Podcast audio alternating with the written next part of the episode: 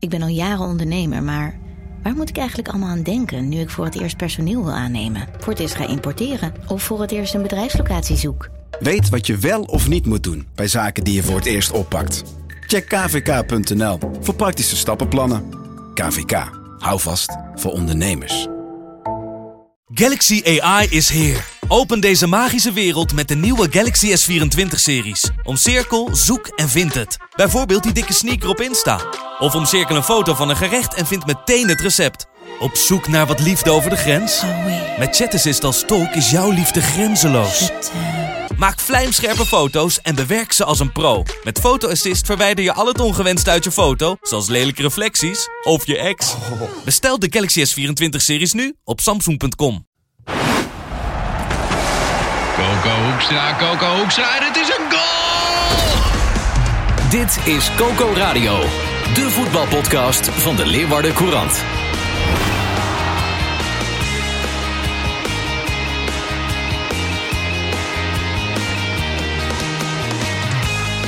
Maandag 7 februari 2022. Een nieuwe aflevering van Coco Radio zonder presentator Renze Lolkema. Hij is er vanwege, nou ja, laten we zeggen, AVG-redenen maken we uh, niet bekend waarom hij er niet bij is.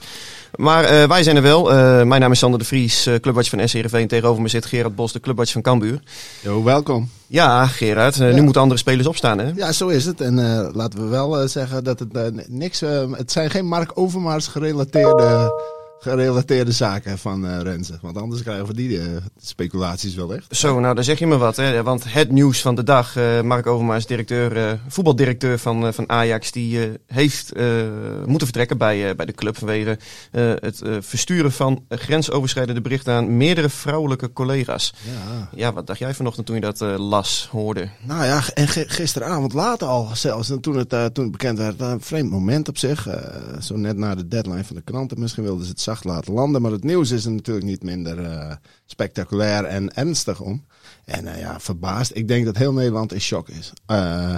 Om, omdat het natuurlijk voor zo'n grote club betreft en zo'n grote naam die het zo goed doet en zo. Dus sportieve repercussies, maar ook, en dat is veel belangrijker natuurlijk, de maatschappelijke impact. Namelijk, Zeker. Het, het, is nu ook in het voetbal. En dat was er natuurlijk altijd al. Dat in alle sectoren Ja, je zou heel naïef zijn om te denken ja, dat dit nooit uh, gebeurde. Precies. Niet alleen in het voetbal, maar natuurlijk breed maatschappelijk ja, gezien. Alleen, en vrouwen staan nu ook in het voetbal op om dat te melden. Zo blijkt. Het is wel, die Tim Hofman heeft met die reportage Boos van twee weken geleden eigenlijk de journalistieke productie van 2022 al gemaakt. Ja, Waanzinnig. Ja, dat lijkt mij ook wel. Alle prijzen die er te winnen zijn, die uh, kunnen alvast naar hem.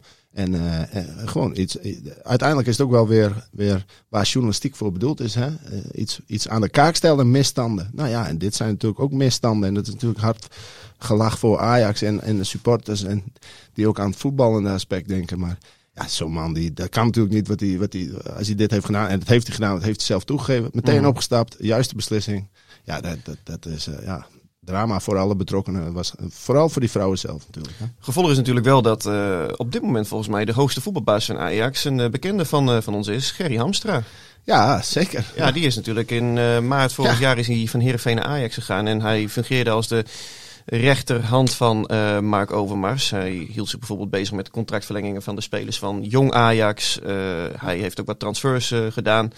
Um, ja, ik, helemaal zeker weten doe ik dit niet, want dat heeft Ajax ook nog niet gecommuniceerd. Maar dat lijkt mij nu een logisch gevolg dat hij nu het eerste aanspreekpunt is voor de voetbaltechnische zaken, toch? Ja, dat lijkt mij ook, want uh, je bent ook zijn vervanger als hij bij wijze van spreken uh, drie weken zijn, uh, zijn been heeft gebroken of zo. Exact. Wat.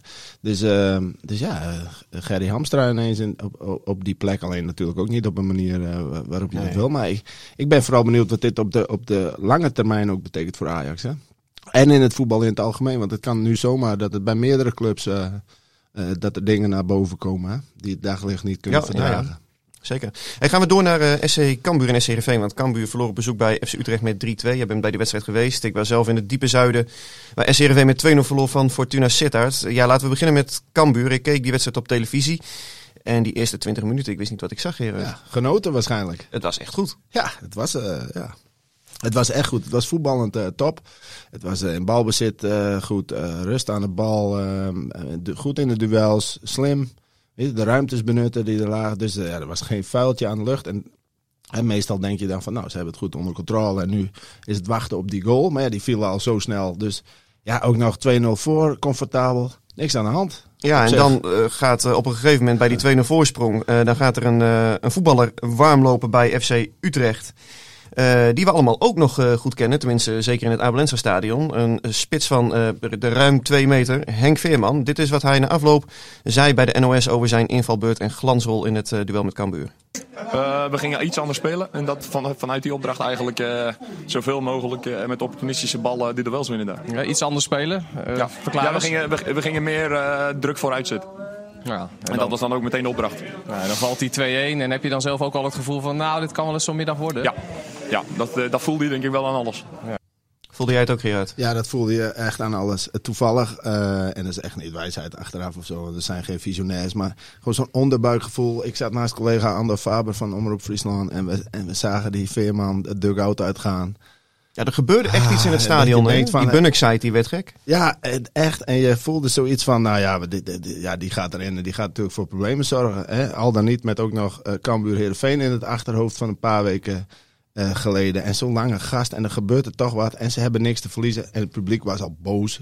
En het was woedend echt. En eh, het was mooi dat er weer publiek bij was, eh, overigens. Ehm, maar, eh, maar dan denk je van, ja, die gaan er dan natuurlijk achter staan. Dus je, je voelde dat er een andere dimensie zou ontstaan. Of eh, hoe zeg je dat? Dynamiek. dynamiek. dynamiek. zou ontstaan. En, en dat gebeurde ook. Maar ja, hoe Cambuur het weggeeft. Ja, we kunnen zeggen van, ja, wat lullig allemaal en wat goed. eh, van die 20 minuten en wat lullig dat Hoedemakers uitvalt. Maar als je 2-0 voorsprong eh, hebt en je, je staat zo goed te voetballen, mag je natuurlijk nooit weggeven op die manier. Want, want laten we eerst teru- even terugspoelen naar Henk Veerman. Want ik wist eerlijk gezegd niet wat ik zag. Want ik heb hem natuurlijk eh, alle wedstrijden gezien bij, eh, bij hem met, met SC Heerenveen. Nou, hij begon natuurlijk anderhalf jaar geleden heel goed. Maar als ik zag wat hij de laatste maanden eigenlijk, ah, vooral de laatste week, want hij heeft nog altijd wel gewoon zeven doelpunten gemaakt Ja. voor Heerenveen, die heel belangrijk blijken te zijn, nu het, zeker nu het wat minder gaat. Maar die laatste weken, het, ja, dat, dat kon gewoon niet meer. Nee. En ik zag nu eh, de spits die hij was in zijn eerste periode weer hè, bij Heerenveen toen hij terugkwam van St. Pauli. Bal vast, balletjes laten vallen, kaatsen, eh, kopduels winnen, aanspeelpunt zijn, oorlog maken voorin. Ja, bizar. Ja, nee, ik hoorde van meer mensen eh, die zeiden: is dit hetzelfde Henk Veerman? Of is dit zijn broer? Ja, Ja, ongelooflijk. maar ja, mi- misschien, kijk, je, je weet allemaal, eh, iets nieuws, dat geeft ook nieuwe energie, ook voor hem. Nieuwe club, nieuwe energie. Eh, het publiek erbij, eh, je komt daarin, je hebt natuurlijk, het is ook lekker invallen. Hè? Als je Henk Veerman bent, je, je hebt niks te verliezen. immers. Eh, je staat met 2-0 achter, het kan alleen maar beter gaan als jij erin komt. Dus, dus misschien speelde dat ook allemaal mee bij hem. En dat je dan net wat extra gas geeft. Het was ook makkelijker eh, voetballen voor hem, denk ik, de manier waarop Utrecht Ja. ging spelen. Hè? Alle Ja. ballen op Henk, eh, dat idee. Ja, en dat zei hij Ja. vorige week ook. Hij heeft nu ook betere spelers om zich heen. Want eigenlijk is het een soort atypische speler in dat elftal. Want het zijn allemaal best wel wat kleine, Ja. technisch vaardige mannetjes. Ja. En dat loopt allemaal wat om hem heen. Ja. Ja, en dan komt hij ook meer in zijn kracht. Want zijn eh, kritiek eigenlijk eh, aan de spelopvatting en zijn medespelers bij Heerenveen was... Ja, ik moet het allemaal alleen doen voorin. Ik krijg ook niet die ballen van de vleugelaanvallers. Nee. Ja, en nog los van zijn arbeidsethos, waar je heel veel op kon aanmerken, de- zeker de laatste Mhm. periode, had hij daar wel een punt, vond ik. Ja, ja, ja, nee, dat is ook zo. En je bent natuurlijk zeker als aanvaller ook zo goed als, of niet altijd, maar meestal zo goed als de mensen die je bedienen. En want je kunt moeilijk zelf een voorzet geven en dan inkoppen. Eh, dus, dus hij profiteert denk ik wel van de kwaliteit die er is bij Utrecht. En die kwaliteit is er natuurlijk ook. Alleen ze, ze speelden, gingen ook op een manier spelen met zoveel druk naar voren. Ja, dan- Lekker opportunistisch. Ja, daarom, dat is natuurlijk ook lekker dan. En zeker als je daardoor grip op Cambuur krijgt, wat, wat Utrecht kreeg. Want ze hadden eh, Cambuur gewoon in de tang.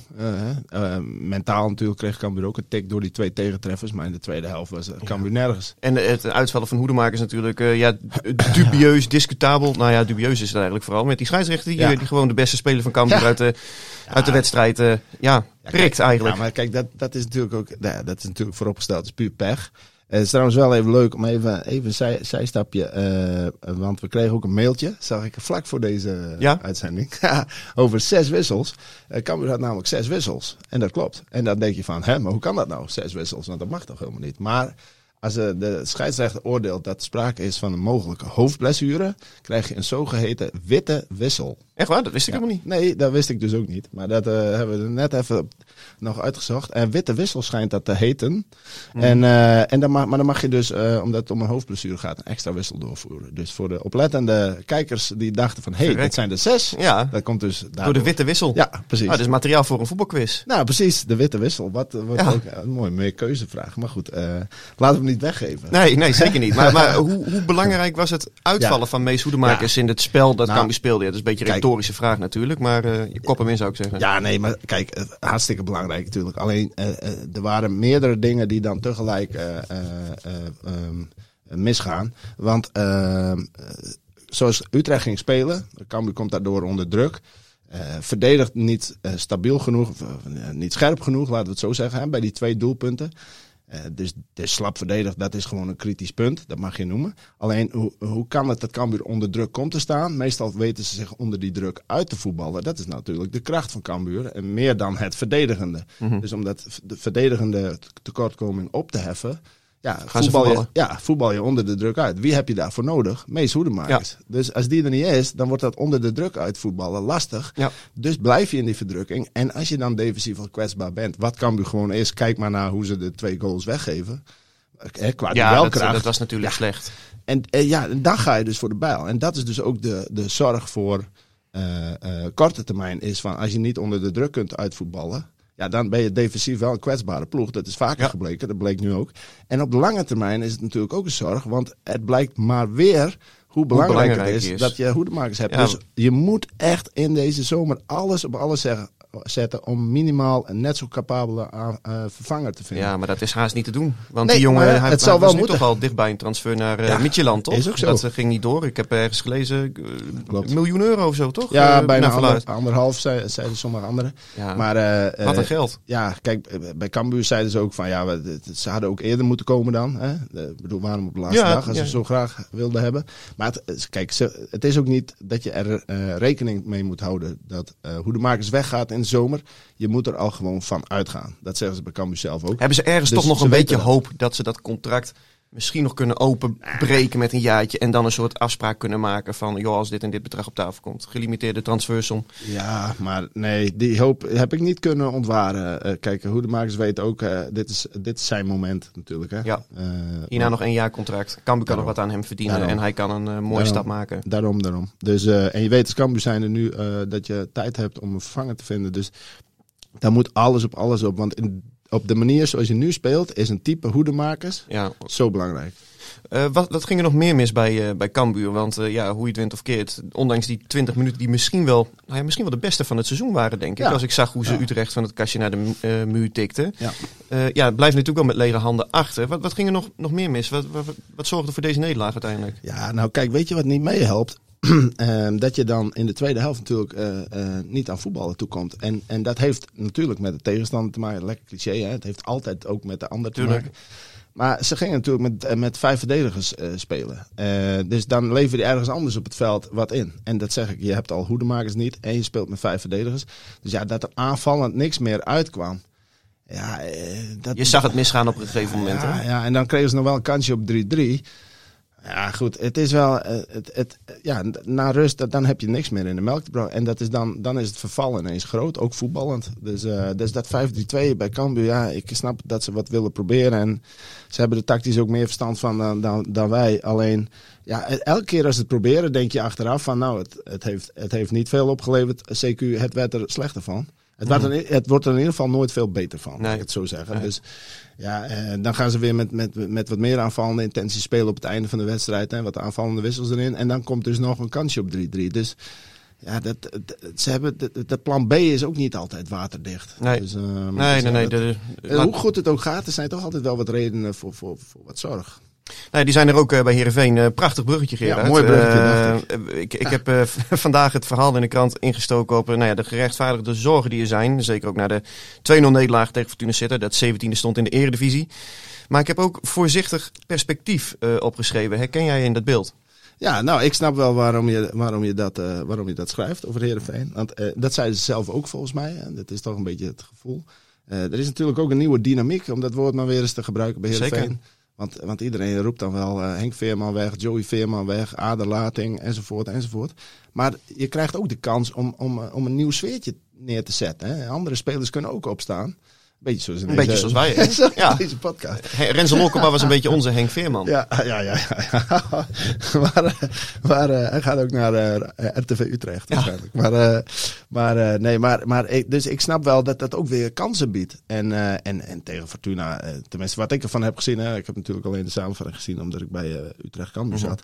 Maar was Heerenveen natuurlijk ook nog gehavend. Dus Ja, ze misten natuurlijk Sven van Beek, Tibor Halilovic, Nick Bakker. ja. Eh Siep van Ottelen was er ook niet bij. En Sidney van Hooijdonk, hè, de, die normaal gesproken altijd in de basis was gestart als spits. Ja, dan mis je eigenlijk de complete as van jouw elftal. En, en ook nou ja, met Halilovic je aanvoerder, met Sven van Beek, ja, je meest constante factor dit seizoen. Ja. Dus ja, haal dat soort spelers bij elke ploeg weg. Zeker in het, eh, laten we zeggen, rechterrijtje en, eh, en, en de onderkant van het linkerrijtje. Ja. En dat gemis doet zich nu eenmaal voelen. Nou, precies. Ehm, maar ja, ik vond de eerste helft, zeker in balbezit, vond ik best wel behoorlijk hoor. Ik vind ook dat Tom Haaien wel een, een aanwinst eh, Ja, dat- kan worden, denk ik. Maar dat wou ik vragen, want die haaien die zie ik dan in de samenvatting. Hè? Prachtig schot en zo. Maar je ziet wel, daar straalt iets af van... Ik ben, ik ben er. Ja. Ik ben aanwezig. Ik, ik voeg wat toe, weet je Ja, wel? absoluut. En dat, dat, dat merkte ik ook heel erg hoor. eh, eh, tijdens die wedstrijd, vooral in de eerste helft. Dat het spel ook echt over hem ging. Dat de ploegenoten die zochten hem ook de hele tijd. En daaraan herken je vaak wel de kwaliteit. Hè? Dat eh, de teamspelers eh, je gaan zoeken, zeg maar. ja, ja. Hè? En, en, en dat ze je niet overslaan. En nou ja, maar hij, wil ook de bal hebben. Ja, absoluut. Dat is ook belangrijk. Niet En hij heeft ook wel wat gif, weet je Ja. wel. Ja, ja. Eh, zeker aan het einde, nou ja, dat pakte hij een gele kaart bij een 2-0 achterstand, 88ste minuut. Niet slim, ik weet het. Hmm. Maar aan de andere kant, het is Heerenveen zo vaak gebeurd dat ze het, om maar in een cliché uit te drukken, lieten gebeuren. Ja, ik hou er wel van dat je nu gewoon een, een gifkikker hebt die eh, zoiets zegt van ja, verdomme, tot hier en niet verder. En nu is het een keertje klaar, weet je wel. Dus dat, dat voegt hij ook eh, toe aan het spel. Ja. En nou ja, die Sar die kreeg nog een invalbeurt van een eh, half uur. Eh, een, een schotje had hij. En nou ja, je kon wel zien dat die jongen heel snel en doelgericht is. Ehm, Maar is het nou vooral iemand met potentie of zie je echt directe meerwaarde? Of is het toch meer... ja, dat, dat directe komt ook meerwaarde. net uit de voorbereiding. Precies, toch? Dus ja. Dat directe meerwaarde vind ik echt lastig in te schatten. En dat geldt eigenlijk ook voor Sidney van Hooijdonk. Die natuurlijk ook bij Bologna een half jaar eh, vier, vijf invalbeurten heeft gehad. Wel op een hoog niveau heeft getraind. Ook nog een jonge gozer. Gisteren is hij 22 geworden. Ja, je moet... Je, je kunt jezelf, en je moet jezelf eigenlijk de vraag stellen... zijn dat de jongens die meteen, van wie je meteen kunt verwachten... dat die voor de doelpunten moeten gaan zorgen. Maar het zal wel moeten. Ja, het zou wel moeten. Het lijkt, ik, ja, het lijkt mij persoonlijk wel, eh, wel een hele grote gok hoor. Zo- Zo'n jonge gast uit Zweden, je moet eerst acclimatiseren. Is nog niet topfit, eh, want was met voorbereiding. Dus ja, wanneer is die dan klaar? Ja, wat kan ik dan brengen? En Kijk, met ook geen wedstrijdritme. Dus eh, ja, ik, ik zou het nooit zo op deze manier hebben gedaan met twee spelers die, die, waarvan je niet weet of Nee. ze er staan. Nee, met Melmo zitten ze ook echt in. eh ja, hij echt in de tweede of derde week van de voorbereiding nog maar. Dus daarom. normaal gesproken voetbal je dan tegen amateurclubs hè, hier, in, eh, hier in Nederland of tegen semi-profclubs. Ja. Dus Eh, ben je nog vier, vijf weken eh, kwijt misschien Die wel. jongen is nog wel, die heeft nog even tijd nodig voordat hij er echt kan staan. En ja, wat je ook terecht zegt, hij is nog maar twintig hè. Ja. En eh, ja, eh, hij, eh, hij moet eh, op redelijk korte termijn moet hij er al, al staan, omdat hij gewoon eh, de transfersom moet gaan opleveren. Ik vind het is een gok. Ja, In die zin. Het is zeker eh, een gok, ook omdat Van Hoornhoek die wedstrijdritme niet heeft. En nog los van daarvan kun je afvragen, is Van Hoornhoek überhaupt wel goed genoeg, ook met wedstrijdritme? Maar goed, dat zullen we zien. Ja, hij kan, eh, een, hij kan een goal maken. Ja, maar goed, het, is een, het, is, het zijn beide, het zijn geen bewezen eredivisie eh, spitsen of zo. Nee. Dus ik, ik ben wel benieuwd. En Heerenveen heeft nou juist goals nodig. Al vier keer eh, geen goal of zo, toch? Vier Eh, ja, ze hebben nog niet gescoord in dit kalenderjaar. Tegen Twente, tegen Go Ahead voor de beker, tegen PEC Zwolle en tegen Fortuna Sittard. Dus je kunt ook niet zeggen dat ze gewoon de top 4 hebben gehad eh, van de Eredivisie. Dus ja, die wedstrijd komende zondagmiddag thuis tegen NEC. Dat wordt echt een ontzettend belangrijke wedstrijd voor Heerenveen. En ook eentje die bepaalt of ze ja, naar boven of naar beneden moeten gaan kijken. Want daarna wachten ook duels met PSV en Utrecht. Ja. Eh, ja, in die zin eh, zijn het best wel spannende tijden in het Abelense stadion. En denk ik dat ze vooral nu zitten te kijken van oké, wat doen clubs als eh Heracles, Ja. weet je wel, of, of Willem II. Ja, wat dat denk- is de situatie wat, nu. wat denk jij welke kant dat opgaat? Hoe zitten wij hier over een paar weken? Zit Heerenveen dan toch, kom- komen ze toch nog in die gevarenzone eventueel? Nou, ik sluit het bepaald niet uit. Ik sluit het bepaald niet uit. Omdat eh, er zijn maar twee ploegen die minder hebben gescoord dit seizoen. En dat zijn PEC Zwolle en eh, Sparta volgens mij. De nummer 17 en, en 18 eh, van dit moment. Ja, dat is geen goed teken. En dat is natuurlijk geen goed teken. En zoals we zeiden, van die jonge gasten moet je maar afwachten of ze het gaan doen. Ja, ja en Herenveen, en, en dat is ook wel iets wat me zorgen baart. Daarom ben ik ook wel blij met, met Tom Haaien. Ehm, zij gaan toch nog vaak het veld op met een intentie van, nou ja, we willen verzorgd voetballen. Ja. En bij Fortuna zag ik toch, ja, uh, twee gasten achterin. Ik ben de naam al kwijt. Uh, eentje heette Anga en de andere had een, had een moeilijke naam. Ja, die kunnen niet vier keer hoog houden, maar dat zijn wel moordenaars daarachterin, ja. weet je wel. Killers. En die op het moment als het echt om, om, om punten sprokkelen gaat, ja, dan denk ik dat dat soort ploegen, dat die, dat die verder zijn of dat die meer die, die karakters in de selectie hebben dan SC Heerenveen. Dus in die zin, ja, je moet voor die club echt hopen dat ze gewoon die drie punten pakken tegen NEC. Want dat ja. zal heel veel rust uh, geven, tenminste voor eventjes. Want, dit, dit, dit, dit, zijn niet spelers die in een degradatiestrijd moeten. Uh, zeker niet. Of in een play-off duel of zo met... met met NAC Breda of, of, nee, nee, of nee, ADO dan, Den Haag. Nee. Ik zie het al voor me als dan, nummer 16. Dan komt het niet goed. Nou, dat denk, dat denk ik dat we Heerenveen uh, kwijt zijn in de Eredivisie. Als die in de play-offs te, ja. tegen eerste divisionisten moeten.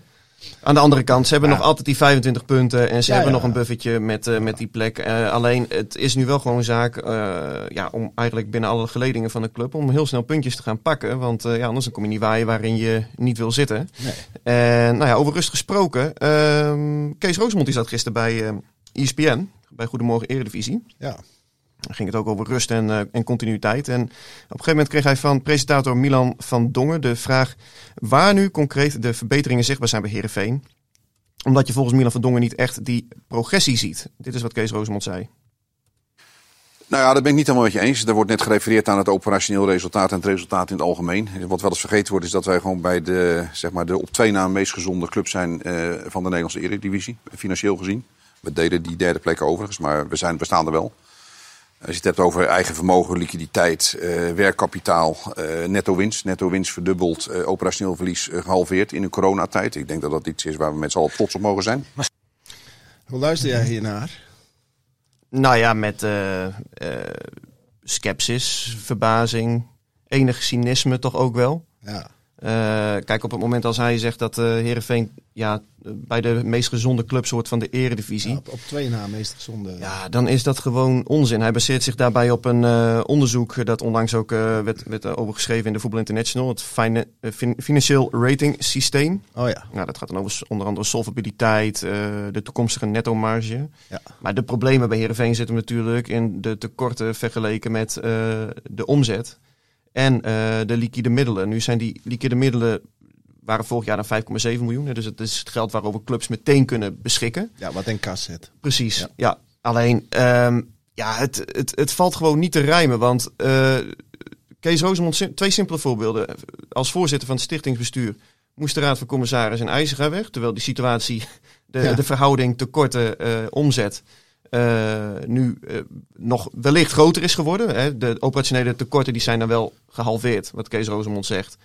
Echter, uh, daar is wel heel erg aan die jaarcijfers gepoetst met overheidssteungelden.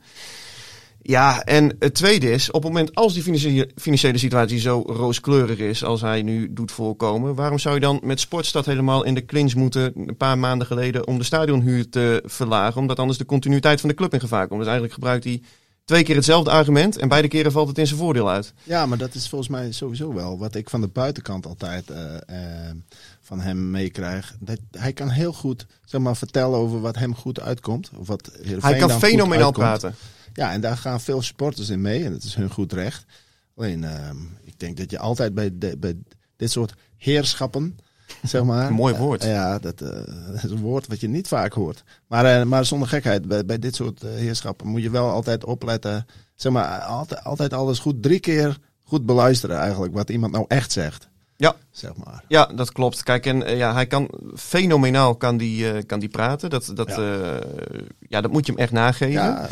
Ja. Um, alleen, ja, als het gaat om, om, om de breed gedragen visie, om de noodzakelijke stappen die gezet moeten worden om die club gezond te krijgen. Ja, dan heb ik daar eigenlijk al heel lang eh, mijn vraagtekens eh, bij. Hetzelfde geldt bijvoorbeeld voor dat, eh, de renovatie en vernieuwbouw van Squad de Woord. Weet je? Ja. Dat zou ook allemaal lang gebeurd. De eerste palen zouden wel eerder in de grond zitten. En nu gaat het deze zomer gebeuren. Nou, dat waar ik ook te betwijfelen. Ja, en het is ook niet makkelijk. Het is ook een, een monsterklus die, eh die, die Heerenveen wacht. Alleen ik denk wel van ja, begin nou met het vertellen van een realistisch, eerlijk verhaal. En dan krijg je ook meer begrip Lijkt mij ook. bij eh, de, de, de achterban. Ik moet ook altijd eerlijk zeggen, en eh, dat, eh, dat is misschien ook makkelijk gezegd, maar ik, ik heb natuurlijk bij Cambuur vooral met Van der Belt en de Graaf en zo te maken, dat soort mannen. En, maar persoonlijk, en daar zitten we lang niet altijd op één lijn. Dat moet ook niet, dat is maar goed ook, want je moet als journalist kritisch kijken naar zo'n club.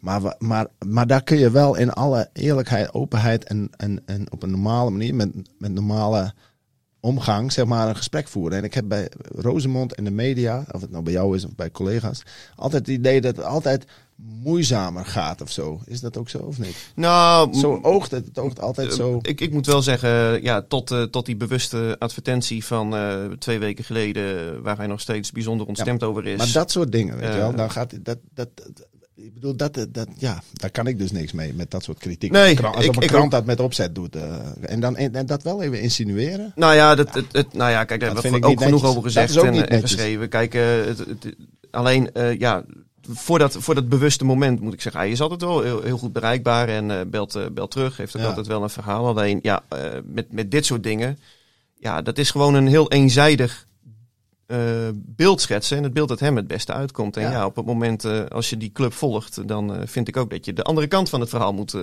Ja, belichten. precies. Maar, maar ik vind dat je gewoon altijd de goede kant moet beleven. Of nou de club bent of de, of de, of de journalist. Nou, de ware kant. Ja, daarom. De, de, de, de kant van zoals het is, inderdaad. Exact. Dus doe maar normaal en vertel gewoon hoe het is.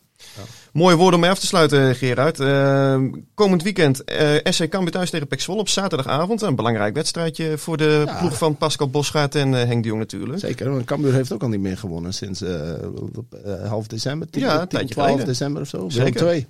Ja, voor Heerenveen wacht dus inderdaad die eh, uiterst bela- belangrijke wedstrijd thuis tegen NEC. Volgende week maandag eh, dan zijn we weer. Eh, hopelijk met eh eh, Renzel Holkema weer, eh, weer bij ons. En eh, dank Ja. voor je tijd. Top. We zien elkaar snel, jongen. Yo. Dit was Coco Radio. Abonneer je via Spotify en iTunes en je krijgt altijd de nieuwste aflevering in jouw feed.